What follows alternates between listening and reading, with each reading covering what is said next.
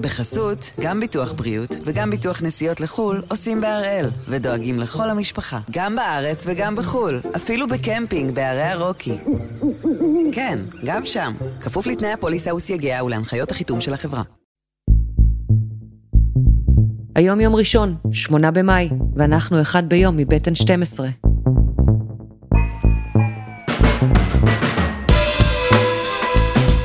אני יונה לייבזון ואנחנו כאן כדי להבין טוב יותר מה קורה סביבנו, סיפור אחד ביום, כל יום.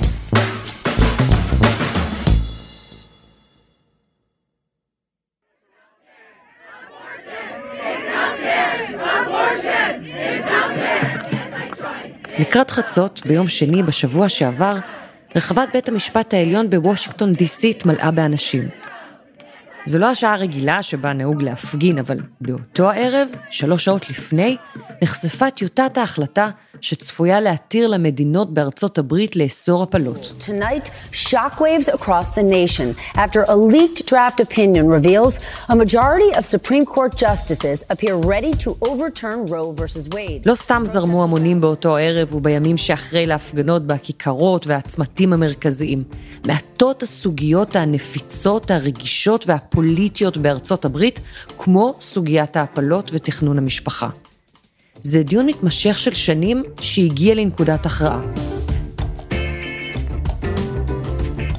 אז הפעם, אנחנו על ההיסטוריה של אחד הוויכוחים הארוכים והמפלגים באמריקה, הוויכוח על ההפלות.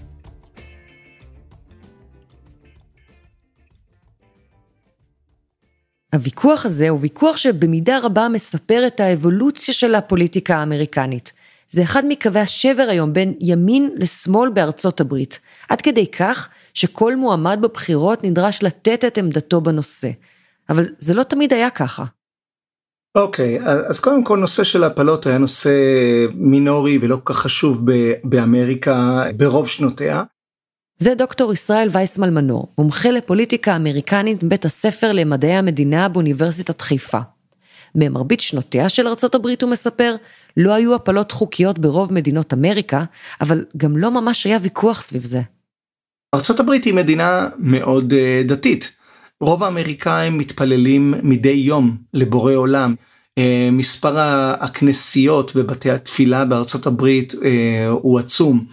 וכך זאת אמריקה ש, שבתוך זה הדבר הזה צומח. רוב המדינות כבר היו בהם חוקים כבר ב-1890 שאוסרים הפלות ומ-1910 בעצם כל המדינות בארצות הברית יש בהם איסור מוחלט על הפלות. זה לא אומר שהפלות לא מתבצעות, הן פשוט לא מתבצעות בצורה אה, חוקית. המציאות הזו התחילה להשתנות בשנות ה-60.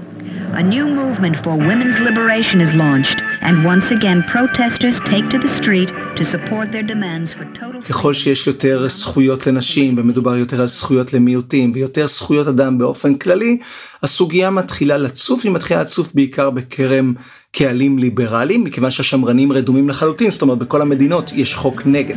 This emerging consciousness would soon be known as women's liberation.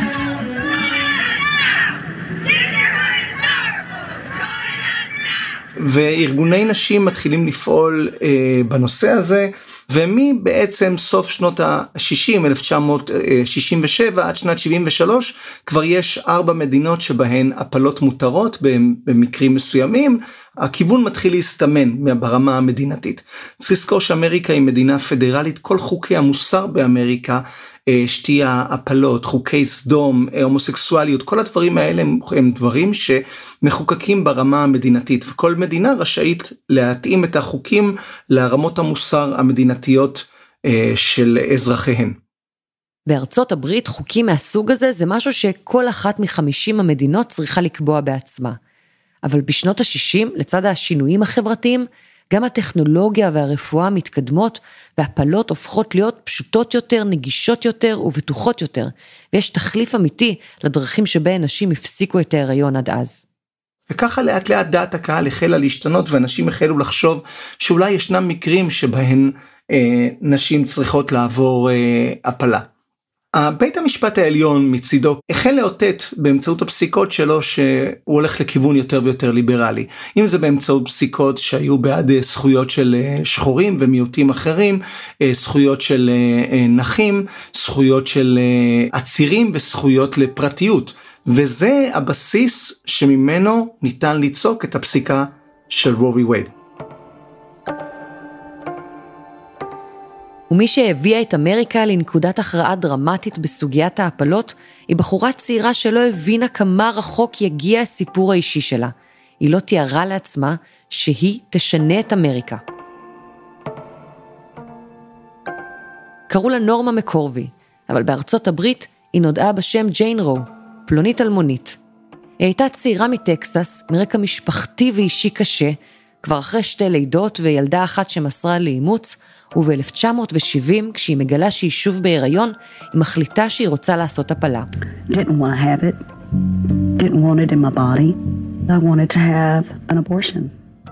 אלא שאין לה ממש איך, כי זה לא חוקי. באותו הזמן עורכות דין ופעילות פמיניסטיות מרגישות שהגיע הזמן להגיש עתירה בנושא, שיש להן סיכוי, הן רק צריכות למצוא את המישהי הזו שתסכים שיתבעו בשמה. חברים של נורמה עושים את החיבור, וכך עורכות הדין תובעות בשמה את מחוז דאלאס בטקסס, ואת הפרקליט הראשי, הנרי וייד, וכך נולד הקייס, ג'יין רו נגד וייד. The other major story today, aside from the death of Lyndon Johnson, the tragic death and the hopes for peace in Vietnam, is the decision of the United States Supreme Court. It handed down a historic decision about abortion. The court said in a 7 to 2 decision that In the first three months of pregnancy, only the woman and her physician may decide whether she may have an abortion. ב-1973, כעבור שלוש שנים של דיונים, השופטים פוסקים לטובתן ומשנים את המעמד החוקי של הפלות בארצות הברית. זו פרופסור דפנה האקר, שעומדת בראש התוכנית ללימודי נשים, מגדר וחברה בפקולטה למשפטים באוניברסיטת תל אביב.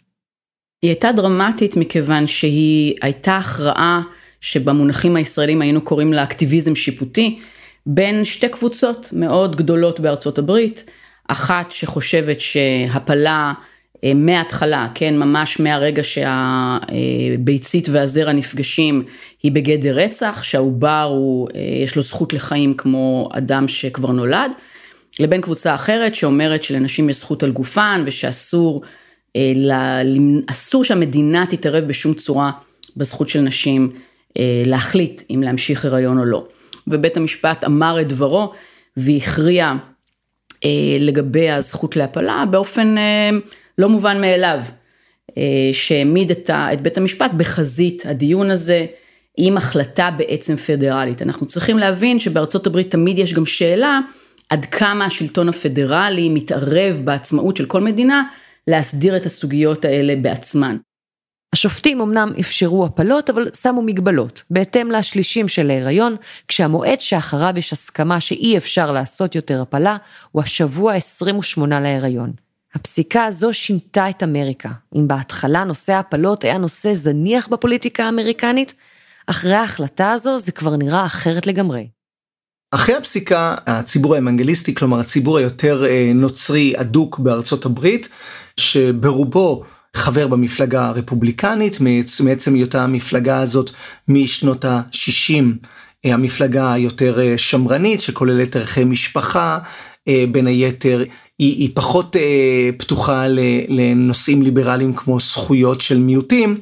אז האוונגליסטים נמצאים בעיקר במפלגה הרפובליקנית ומבינים שיש להם פה איזשהו נושא שיכול להפוך לאיזשהו קטליזטור משהו שבאמת יפיח חיים אה, במפלגה שלהם וייתן להם אפילו איזשהו מנוף לקראת התמודדות עתידית לנשיאות. Abortion is not a Roman Catholic issue. It is a moral issue. It is a theological issue. It is a human rights issue, an issue that concerns the human rights of unborn babies who, by the hundreds of thousands, are being murdered. ובאמת פעם זו הייתה בעיקר סוגיה של קתולים ואוונגליסטים בארצות הברית. זה עדיין לא היה משוייך באופן אוטומטי למאבקים של הימין. אפילו רונלד רייגן, הרפובליקני, כשהיה מושל קליפורניה, הפך אותה לאחת המדינות הראשונות בארצות הברית שמאפשרות הפלות. כמה שנים אחרי, כשנבחר לנשיא, הוא שינה את עמדתו והפך לאחד ממתנגדי ההפלות הבולטים ביותר, שגורר אחריו תנועה שלמה וציבור שהופך את זה לנושא דגל. Many of the most compelling arguments against abortion are as old as our civilization, indeed. I would submit that a reverence for all human life is one of the distinguishing marks of true civilization. We know in particular that when an abortion is performed, the unborn child often face, feels pain. If there's even a question about when human life begins, isn't it our duty to err on the side of life? והם כולם נרתמים בשלהי שנות ה-70 ואומרים אוקיי אנחנו עכשיו הולכים עם הדבר הזה זה נושא כל כך כאוב לאנשים האלה וכל כך חשוב לאנשים האלה אנשים תופסים את זה כאילו הם ממש מצילים ילדים מרצח. ואנחנו רואים את ההתעוררות בכל המחנה האוונגליסטי של כל מיני מטיפים וגם של חברי קונגרס שמגיעים מה, מהצד הזה של הפוליטיקה אה, לבוא ולהפוך את זה לנושא אקוטי. ואפשר לומר שאחד הנושאים על הפרק בבחירות של 1980 אה, לנשיאות האמריקאית הוא גם הנושא של הפלות. אה, הדבר הזה הפך להיות נושא מרכזי במפלגה הרפובליקנית ואפילו איזשהו נייר ליטמוס שעל פיו בוחנים מועמדים.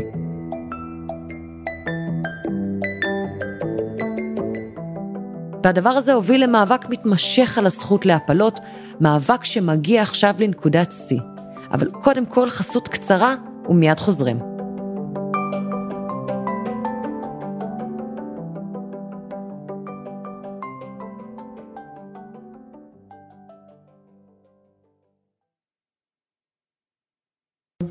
בחסות, גם ביטוח בריאות וגם ביטוח נסיעות לחו"ל עושים בהראל, ודואגים לכל המשפחה, גם בארץ וגם בחו"ל, אפילו בקמפינג בערי הרוקי.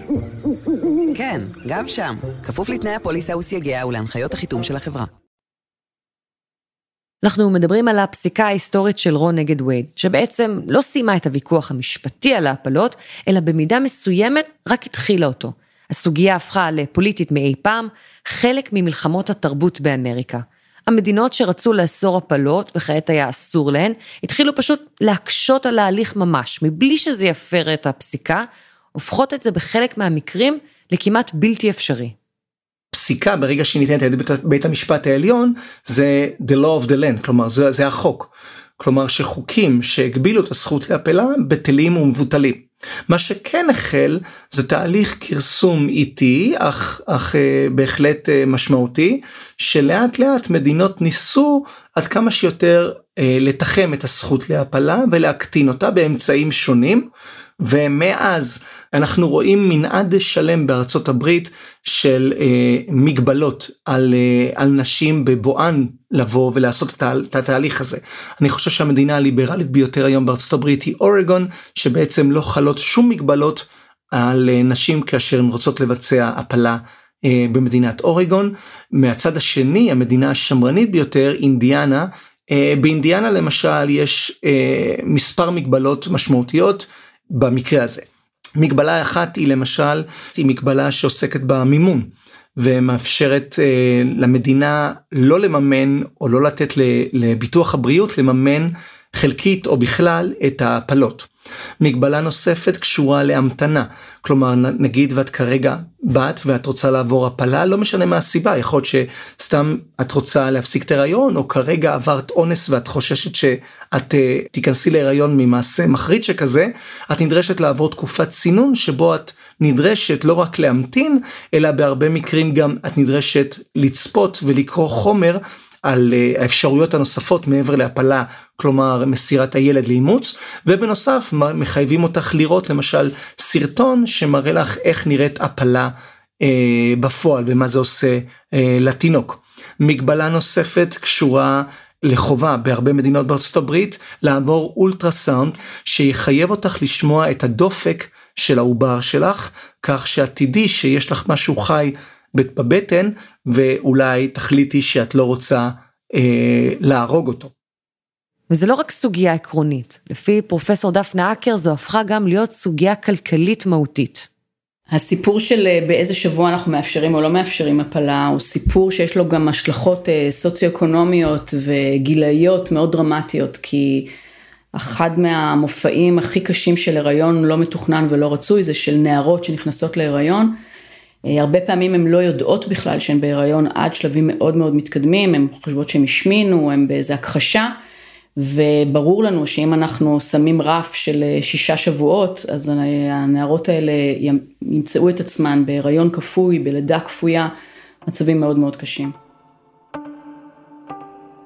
ובזמן שהפסיקה המשיכה לתת את אותותיה על אמריקה, מה עם נורמה מקורבי, התובעת המקורית? היא בסוף בכלל לא עשתה הפלה בגלל התארכות תהליכים ומסרה את בתה לאימוץ. שנים אחר כך היא תספר שנוצלה על ידי עורכות הדין ולא הבינה שהתביעה לא תעזור לה אישית. היא אפילו התגייסה למאבק של מתנגדי הפלות והופכת לדמות הבולטת בקמפיין שלהם. Well, for years and years I used to think that um, it was a woman's right to choose, period. Uh, but after working in four abortion clinics here in the Dallas area and learning a lot more, um, I, I started having inner conflicts with myself, Ted. אבל לפני כמה שנים, על ערש דווי, היא מתוודה בסרט הדוקומנטרי A.K.A. ג'יין רו של FX שנעשה עליה, ששילמו לה כדי לתמוך פומבית באיסור הפלות, שדעתה מעולם לא השתנתה, ושהיא חושבת שלכל אישה זכות על גופה. Did they use you as a trophy? Of course. I was the big fish. You know, I took their money and they put me out in front of the cameras and told me what to say, and that's what I'd say. Wow. It was all an act. אבל המקרה האישי שלה הפך להיות חלק קטן מההיסטוריה שכבר השתנתה. אחרי הפסיקה של רון נגד וייד, היו ניסיונות להפוך את ההחלטה, היו מעט שינויים וחידודים, כמו לדוגמה הקביעה שהשבוע שעד אליו מותר לעשות הפלה יהיה שבוע 23 להיריון, אבל ברמה המהותית, במשך 50 שנה, העיקרון של הפסיקה המקורית לא השתנה. בציבוריות האמריקאית ישנה תמיכה עקרונית אה, להפלות. זאת אומרת אם אנחנו ניקח את אמריקה כמשאל דעת קהל אחד גדול אז רוב האמריקאים אכן תומכים בזכות של האישה לעבור הפלה בטח בחודשים הראשונים אה, של ההפלות. אבל uh, במשך שנים הציבור האוונגליסטי בתוך המפלגה הרפובליקנית הצליחה להפוך את נושא הפלות לנושא אקוטי ובבוחרם מועמדים לנשיאות המבחן שלהם היה האם המועמד שבפנינו אכן יעזור לנו לבחור מועמדים לבית המשפט העליון אה, לכס הכהונה שיהיו אנשים שיעזרו לנו להפוך את ההחלטה. ואיך נשיא יכול לבטל את רון נגד וייד? הוא לא יכול, אבל הוא כן יכול למנות שופטים לבית המשפט העליון. ברגע שיהיה רוב שמרני של שופטים יש מומנטום, והסיכוי שיקבלו עתירה כזו עולה. והאמת, עד לפני כשש שנים, סוגיית ההפלות כבר התחילה להיעלם כמעט מהשיח הציבורי. ואז נבחר דונלד טראמפ לתפקיד נשיא ארצות הברית. זה היה השיקול המרכזי שלהם. כאשר התמודד הנשיא, אה, אה, אז המועמד דונלד טראמפ, הרבה מנהיגים דתיים אה, ממש הרגישו לא בנוח עם מועמדות של אדם שהוקלט אומר שהוא נוגע בעבריהן של נשים, ש-18 נשים שונות טוענות שהוא הטריד אותם מינית, אדם שמעולם לא היה דתי או הראה כל זיקה לדת. ובכל זאת כאשר הוא מתמודד לנשיאות אותם מנהיגים באים ואומרים אה, אנחנו לא בוחרים לעצמנו עכשיו מנהיג דתי אנחנו לא בוחרים לעצמנו פסטור שיבוא לכנסייה שלנו אנחנו בוחרים נשיא ותפקידו של הנשיא הוא תפקיד מרכזי אחד לבטל את רו וי וייד. ואם הוא יספק את הסחורה מבחינתנו לא אכפת לנו כל מה שהוא עושה בתוך חדרי החדרים אנחנו לא נבחן אותו מוסרית ולא נשפוט אותו מוסרית על מה שהוא עושה אנחנו רק נשפוט אותו על פי קנה המידה הזה, האם הוא עוזר לנו לבטל את רובי וייד. עוד בזמן הקמפיין שלו, כדי לזכות בקולות השמרנים והאוונגליסטים, טראמפ הבטיח שימנה לבית המשפט העליון שופטים שמתנגדים להפלות. Do you think it's murder, abortion? Um,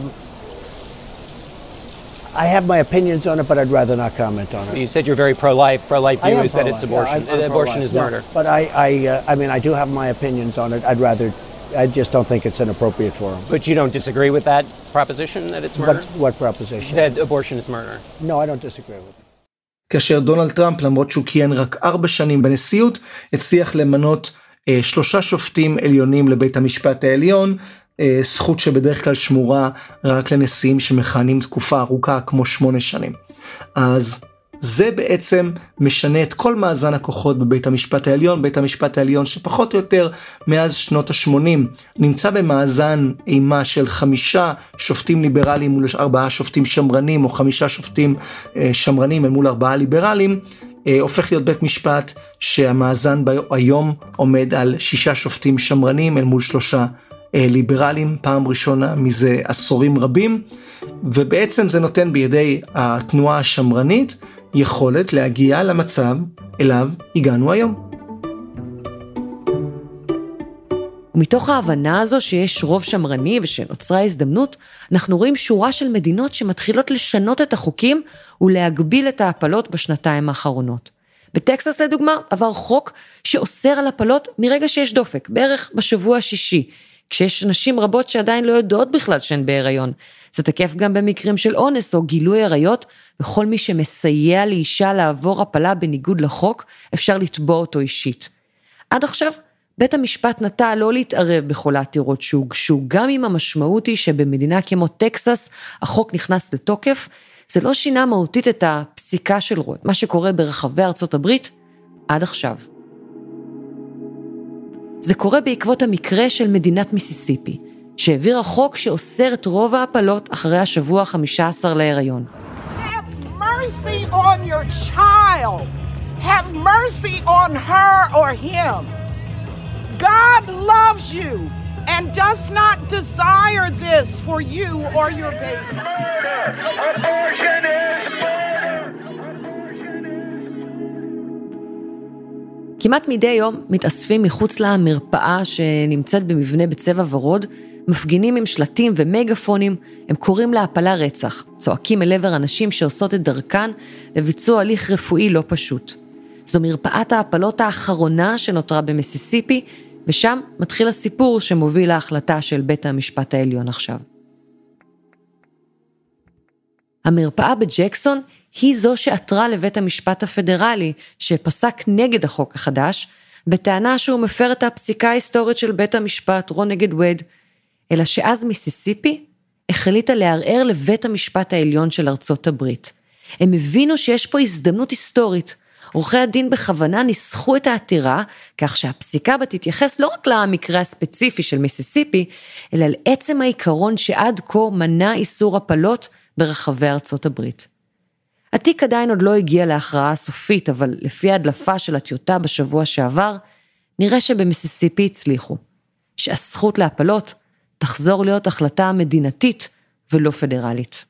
אנחנו כרגע ניזונים רק מהדלפה של אתר פוליטיקו שבינתיים לפחות השופט אה, נשיא בית המשפט רוברטס אמר שהתכנים הם אכן נכונים אז כ-22 מדינות פחות או יותר בעיקר המדינות הליברליות אה, עבורן לא ישתנה הרבה במדינות האלה יש חוקים מדינתיים שמאפשרים את המשך קיומן של הפלות. במדינות האחרות, בכ-28 מדינות אחרות, באותן מדינות, או שכבר יש חוקים בספרי החוקים שמעולם לא נמחקו, אף אחד לא טרח למחוק אותם, אה, והם עדיין תקפים. אה, או מדינות שחוקקו חוקים חדשים לקראת אפשרות של פסיקה כזאת, החוקים האלה אוטומטית יהפכו להיות החוק השולט באותה מדינה. ועוד כמה דברים שחשוב לזכור. דבר ראשון, זה שיש עוד סערה, סערה צדדית אמנם, אבל גם מרתקת. איך דלפה טיוטת ההחלטה? היא נכתבה על ידי השופט אליטו כבר בפברואר, והופצה לשופטים לקראת ההחלטה הסופית בשבועות הקרובים. מעולם בהיסטוריה המודרנית לא דלפה טיוטת החלטה, ונשיא העליון הורה על חקירה למציאת המדליף. הדבר השני, זה שעדיין רוב הציבור האמריקני תומך בזכות להפלות, לפי הסקרים האחרונים יש רוב של למעלה מ-60% בעד הפלות בארצות הברית. והדבר השלישי, זה שלמרות שיהיו עדיין מדינות שבהן ההפלות יהיו חוקיות, מי שייפגעו יהיו הנשים החלשות ביותר. חשוב להבהיר שהחוק עצמו אולי אה, יבטל את הזכות להפלה, אה, אבל החוק שלעצמו, או הפסיקה כשלעצמה, לא תבטל את אה, ביצוען של הפלות באותן מדינות שמרניות. כלומר, בידי אותן נשים במדינות שמרניות תהיינה מספר חלופות כמו שהיה בעבר. אלה שעמידות מספיק שיש להם אה, מספיק כסף יוכלו תמיד לחצות את הגבול למדינה ליברלית כלשהי, או לטוס או לנסוע, ולבצע את ההפלה במדינה אחרת. הדבר הזה מותר, הוא לא נוגד את החוק. והוא לא יהיה אף פעם נגד החוק, כי זה מערכת פדרלית, כל אדם חי תחת החוקים של המדינה שבה הוא אה, נמצא בה.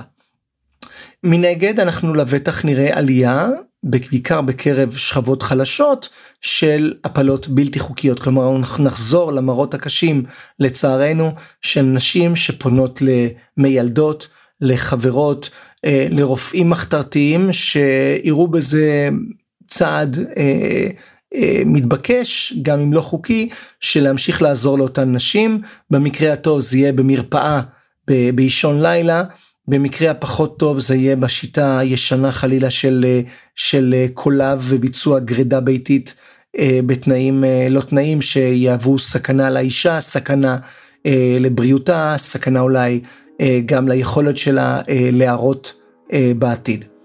כיום אנחנו כבר יודעים שנשים שחורות עוברות הפלות בשיעור שהוא פי שלוש יותר מאשר של נשים לבנות ומכיוון שנשים שחורות הם גם אנשים שהם בעלות פחות אמצעים כלכליים מאשר נשים לבנות אנחנו נראה מצב שהם אלה שיפגעו יותר מאשר הנשים הלבנות באופן אה, לא מידתי.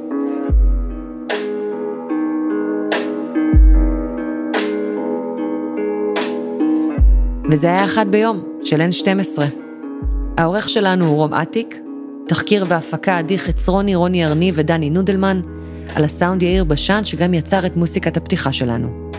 אני יונה לייבזון, אלעד שמחה יופיע כאן מחר.